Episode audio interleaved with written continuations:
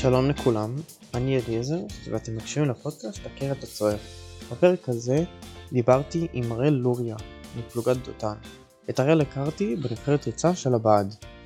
אז ממש שמחתי שיצא לי לדבר איתה היום. אז יאללה, האזנה נעימה. שלום, אנחנו פה מדברים עם הראל לוריה. שלום. אהלן, שלום. אמ, אז אה, אנחנו פה בשבת, אה, שבת אה, לקראת ערב. מדברים, אז ככה, אם אתה יכול להציג את עצמך. שמי הראל, הראל אוריה, אני בן 21 מתל אביב, בוגר תואר ראשון בסיעוד, למדתי במסלול העתודה האקדמית, מסלול העתודה האקדמית פסגה באוניברסיטת תל אביב, משרת כאח ראשוני בעובדה בחיל אוויר, עובדה זה 60 קילומטר מאילת. ו... לפני, בסיום התואר, לפני התפקיד, עשיתי היפוך השלמה, זאת אומרת עשיתי השלמה חילית של חמישה שבועות בעיר הבה"דים, mm-hmm. ואחרי ההשלמה חילית שובצתי בעובדה. לכן, אה, עם סיום קורס הקצינים אני מקבל את דרגות הסגן וחוזר לעובדה לאותו תפקיד. מתי אתה תקבל? אתה בטקס? בטקס, בטקס מול כולם אני אקבל את דרגות הסגן ואחזור לתפקיד בעובדה. אז כמה זמן היית בתפקיד? באזור השלושה ארבעה חודשים. ואתה קלמת שם? כן. אה, סבבה. אז אה, אז מאיפה אתה בארץ? אני מתל אביב, גדלתי בתל אביב, חייתי בתל אביב. למדתי בתיכון עירוני ד', במגמה כלכלה פסיכולוגיה. אה, מעניין. כלכלה? כאילו זה משהו שעניין אותך? אני הייתי חמש מתמטיקה, חמש אנגלית. מצד אחד מאוד עניין אותי מדעים מדויקים, פיזיקה, כימיה. אה, וגם מצד שני גם מאוד עניין אותי את העולם הגדול, זאת אומרת להבין יותר את העולם הזה של כלכלה ופסיכולוגיה. וראיתי בעצם בעולם הזה של כלכלה שילוב עם החיים האמיתיים ועם ה, בעצם אה, היכולות האנליטיות, לכן mm-hmm. אהבתי. אבל אה, עם סיום המגמה הגעתי למסקנה שבתחילת י"ב שאני רוצה ללכת לתחום הרפואה, שמאוד חשוב לי להיות קצין בצבא, לתרום לאנשים, לעזור, ולכן הלכתי למסלול של התודה. כאח, כאילו. כן. כסיוד. אז אחרי באמת אה, סיום התואר, כאילו, זה, אתה מקבל תואר ראשון בסיעוד, ואתה ניגש לבחינה ממשלתית שנותנת לך רישיון כאח מוסמך. אני באופן אישי רוצה להמשיך לרפואה, אבל אה, אה, זה לא כאיזשהו, כאילו, אצל אחרים מסלול מעבר. אצלי באופן אישי זה מסלול מעבר. יש הרבה אנשים שנשארים בתחום הסיעוד כאחים, מאוד אוהבים את המקצוע, אוהבים את השליחות. אמ, זה מקצוע מאוד מאוד מיוחד, מאוד מספק. אני הרבה פעמים אוהב להגיד את הנקודה למחשבה הזאת, ש... מיילדת היא אחות שעשתה קורס המשך של שנה בעל בסיסי, אז אותו אדם שיביא אותך לעולם, הראשון שיראה אותך רוב הסיכויים זה מיילדת, ואותו אדם שברגע מותך רוב האנשים מתים במחלקות, בבתי חולים, מחלקות פנימיות, זה אותו אח שהוא יהיה אח במחלקה פנימית שנתק אותך מהמכשירים. זאת אומרת, אח הוא בכל מעגלי החיים. Mm-hmm. זה מקצוע שיש אותו גם בקהילה, גם בבתי חולים, גם בצבא. מקצוע מאוד מיוחד, המון סיפוק, המון שליחות. אני שמח שהלכתי אליו. אם ככל שהתקדמתי בתואר הבנתי יותר ויותר כמה חשוב לי להמשיך להתעניין, לדעת יותר את הרפואה, להבין יותר אק"ג, יותר בדיקות דם, יותר תרופות, יותר מחלות, לאבחן ולהמשיך להתפתח בתחום, לכן מאוד רציתי להמשיך לרפואה. ולכן אה, אני ממשיך כרגע עם קורסי השלמה לרפואה, יחד עם השירות הצבאי. ומנסה להתמודד לעוד שנה וחצי לדחיית שירות של חמש שנים, ואז לחזור לצבא כרופא יחידה, אני רוצה להיות ביחידות מיוחדות. אה, כמה קשה זה לעשות את זה? אה, קודם כל קשה להתקבל לרפואה במדינת ישראל. במדינת ישראל מתקבלים באזור ה-500 בשנה למסלול הרגיל, השש-שנתי, ועוד 240 במסלול הארבע-שנתי, מסלול לבעלי תואר. זאת אומרת, אה, פחות מ-800 כל שנה התחילו לימודי רפואה. אה, לכן רוב הסטודנטים היום לומדים בחו"ל. רוב המתמחים היום במדינת ישראל למדו בחו"ל, בערך 60 אחוז, אחוזים. אז באמת אני מאוד מאוד משקיע לזה כדי להתקבל בארץ. מאוד חשוב לי להיות רופא בצבא, רופא ביחידות מיוחדות, התחושת שליחות, הסיפוק של זה היא מטורפת, זה לשלב את עולם הרפואה עם עולם הלוחמה המבצעית, ושם אני רוצה להיות, לשם אני רוצה להתפתח. זהו, אה, יש לנו צוות, אה, מישהו מצמרת, דיברתי איתו? אה, כן, ליאור, כן, מכיר אותו, ליאור שנה רביעית, מכיר אותו טוב. אז מתי בעצם זה הדליק אותך כזה להיות רופא? בערך בתחילת כיתה י"ב התחלתי לחשוב יותר ויותר, שיחקתי כדורגל כל התיכון. ולקראת תחילת כיתה י"ב התחלתי לעבור מהכדורגל יותר לכושר קרבי. אמ, ואז התחלתי לשקול... כי רצית קרבי? כן, רציתי קרבי. ואז התחלתי לשקול באמת אה, אה, בין הדברים. באחד המשחקי כדורגל, בגיל 16 וחצי, היה לי כאבים קלים בחזה, ולא העסיקו אותי יותר מדי, ואז... ואז שאלתי את ההורים, כאילו, זה בסדר? אמרו, בוא נלך למיון, נבדוק את זה, לראות אם הכל בסדר. הלכתי למיון, יצא לי טרופונין גבוה, שזה אנזים שמעיד על בעיות לבביות. וברגע שזה יצא, אז אשפזו לבדיקה, למעקב שלושה ימים, בבדיקה עשו לי MRI, זה הכל יצא תקין, אבל החליטו שאם יש טרופונין גבוה, זה חייב להיות או התקף לב או דלקת שריר הלב. ובעקבות כך שכל ה-EKG היה תקין ו-MRI, החליטו לכתוב חשד לדלקת שריר הלב קלה. וברגע שזה הגיע, אז באתי לצו ראשון, ואמרו לי, לא תוכל לקבל אה, פרופיל 97-82, כרגע תוכל לקבל פרופיל 72, כן. אם תבוא עוד כמה שנים, אה, תוכל זה, ואני מאוד רציתי לוחמת חי"ר ביחידות מיוחדות, והרגשתי שזה מתנגש. אז אה, אם אתה לא יכול להיכנס לדלת הקדמית לרפואה או לדלת הקדמית ללוחמה, אתה נכנס מהדלת האחורית, אתה לא מוותר. זאת הגישה שלי, לכן החלטתי ללכת לעתודה, ובככה אני מרוויח שתי דברים. אני יודע שבהמשך אני אלחם ולא אוותר על להתקבל לרפואה, ובהמשך אני אעלה פרופיל, וככה גם אוכל להגיע ללוחמה. ובאמת כך קרה. שלוש שנים אחרי זה, לקראת סיום התואר, עליתי לוועדה רפואית והעלו לי את הפרופיל ל-82, שזה כבר פותח בפניי את היחידות חי"ר, ו... ועכשיו אני משקיע בשביל להתקבל לרפואה. אה, מטורף, אה, לדעתי. אה, ומה מה התפקיד של- שלך בעובדה? אז אה, באמת בעולם הרפואה יש אה, כמה סוגי רפואה. רפואה ראשונית, רפואה שניונית ורפואה שלישונית. אז uh, רפואה ראשונית זה הראשונים שמטפלים בכם בעצם. זה אומר אותו חובש, אח או רופא במרפאה, זה רופא ראשוני, אח ראשוני וחובש ראשוני, שהם נותנים את המענה הרפואי הראשוני באותה מרפאה בצבא. עכשיו, אין שם רופאים מומחים, אין רופא אורתופד, אין רופא מנתח, אין זה, יש רופא כללי בלי התמחות, רופא צבאי, והוא נותן מענה ראשוני. Uh, במענה הראשוני מצד אחד יש המון אתגר, כי אתה נחשף להכי הרבה מטופלים, ואתה מנתב אותם, ומצד שני זה הרפואה פחות מורכבת לרוב. אז uh, באמת uh, זה עולמות שונים. זה רפואה ראשונית, אני אח ראשוני בעובדה. זה אומר שאחרי שהחובש עושה טיפול, הוא מחליט האם להפנות לאח, אם צריך חמור יותר לרופא, והרופא יחליט אה, האם להפנות את זה, אם זה גדול ממנו, להפנות לרופאים מומחים, להפנות לבית החולים, להפנות לניתוחים, בהתאם לשיקולים. אז אני אתן דוגמה בשביל לעשות את זה הכי פשוט. חייל מגיע עם כאבים בברך לחובש. החובש הראשוני מחליט להפנות אותו לרופא הראשוני במרפאה. אמ, הרופא הראשוני עושה לו בדיקה מעמיקה של הברך, והוא אומר, לא ברור לי כל כך מה יש שם, אני לא יודע, ולכן אני אפנה לרופא אורתופד מומחה. זה רופא שעבר התמחות באורתופדיה, והוא כבר רופא שניוני, כי זה הרופא השני שכבר רואה אותו. וזה רפואת מומחים, בעצם רפואה שניונית, וזה בצה"ל יש במרפאות צה"ליות. זה לא מרפאה, זה מרפא, זה אומר מרפאה אזורית.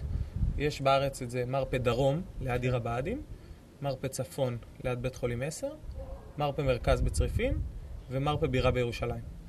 אז אותו רופא מפנה לרפואת מומחים, לרפואה שניונית, לאורתופד, הוא יגיע, יקבע אליו תור, יגיע, ואז אחרי זה הרופא האורתופד בודק לו את הברך, ואומר, החייל הזה צריך ניתוח. יש לו קרע, אני שולח אותו לצילום, רואים מהצילום, יש ניתוח, אה, יש קרע ברצועה הצולבת, ולכן אני אפנה לניתוח.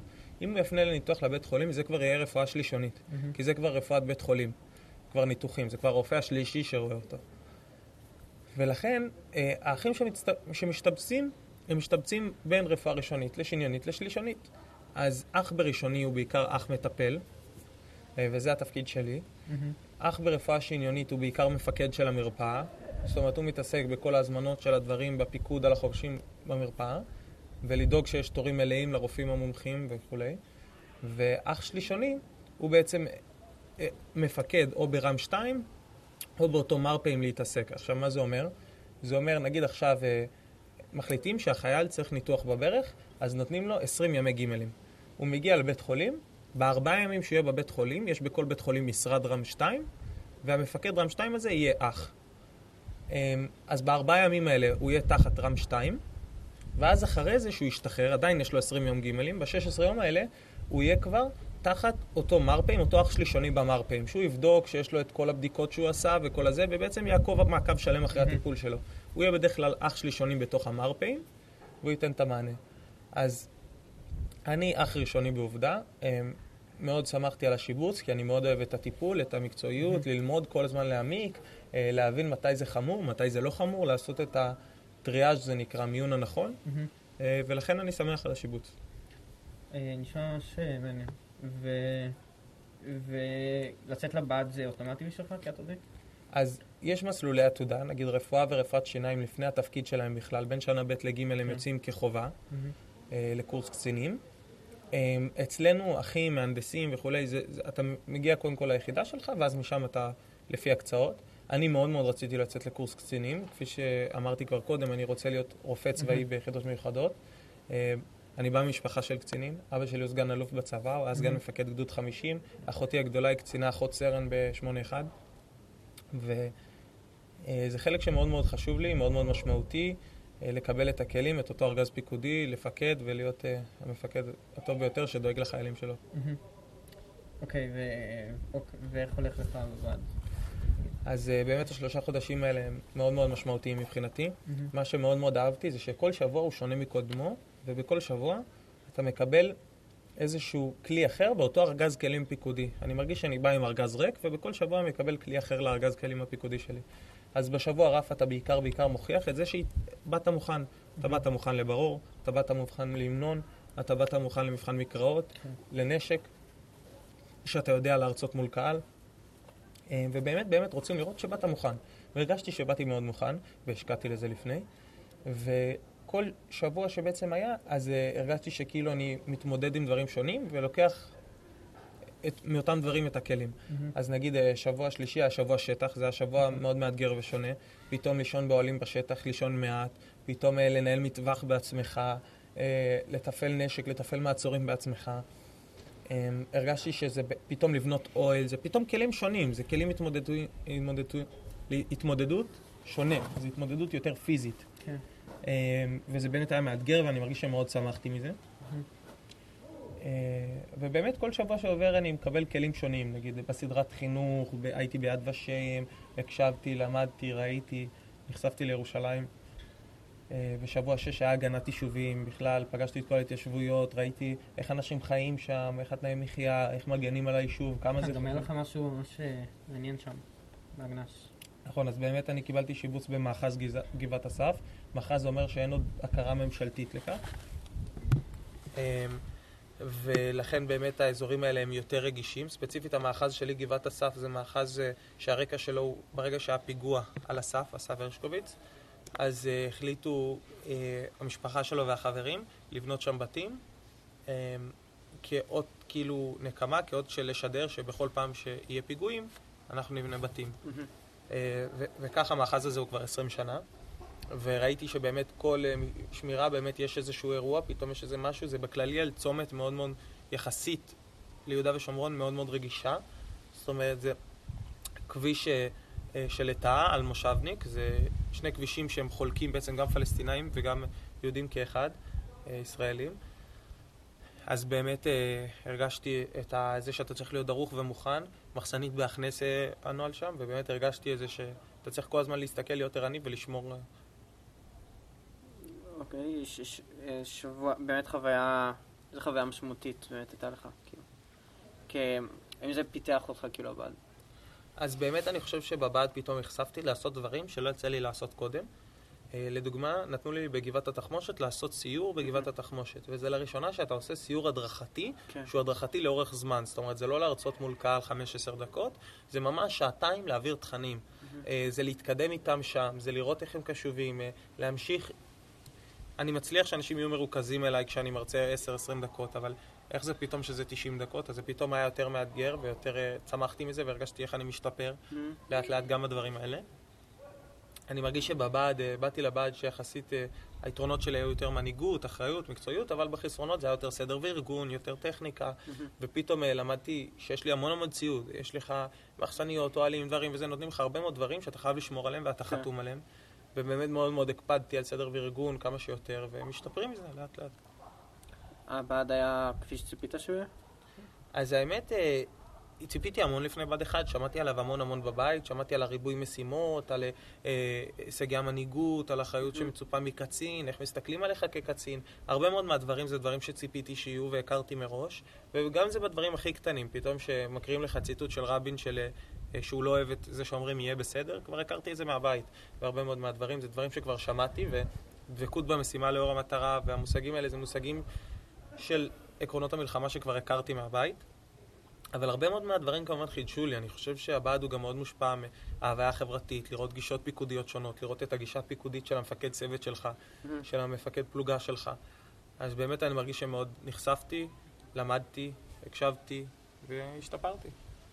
וואלה, ו... אמ, שיש לך? אז התחביבים שלי, אני מאוד מאוד אוהב פעילות גופנית, ספורט. זהו, אתה בנבחרת ריצה, כן, לא נכון. אמרנו את זה. אז באמת אה, בברור אני רצתי 12-25, ועברתי טוב. את מה שצריך בשכיבות צמיחה בשביל לקבל 100 בשכיבות צמיחה ו-100 בריצה. ו... והגעתי לנבחרת. אה, באמת אהבתי את זה שיש עוד אימונים, אימונים אקסטרה. אני בכללי אוהב פעילות גופנית, אני מאוד אוהב לשחק כדורגל, אני אוהב אה, לשחק פינג פונג, אה, לשחק שחמט, לקרוא ספרים, לצאת עם חברים. בדיוק אנחנו פה מדברים אחרי ששיחקת פינג פונג בטורניר. אה, וזהו, אה, אה, הערות כאילו מסכמות כזה. מה, איזה משפטים נגיד אתה ממש לוקח כזה כדרך חיים כזה? אז אה, באמת יש הרבה מאוד דברים בבה"ד שלקחתי איתי, לדוגמה חתירה למגע, לדוגמה אם אתה רוצה משהו אז תבוא, תחתור להשיג אותו, זה לא יקרה אם לא, אם לא תתאמץ להשיג את זה. ובאמת להבין שיש גישות פיקודיות שונות וזה בסדר, זאת אומרת אין רק דרך אחת לפקד על חיילים. ולראות את הצדדים של אחרים, לראות את התמונה המלאה, לדעת לעזור ולתמוך כשצריך. אה, מגניב ממש. אה, אז תודה לך אריאל. אה, בהצלחה במשך התפקיד ושתגיע להיות רופא. תודה רבה לך.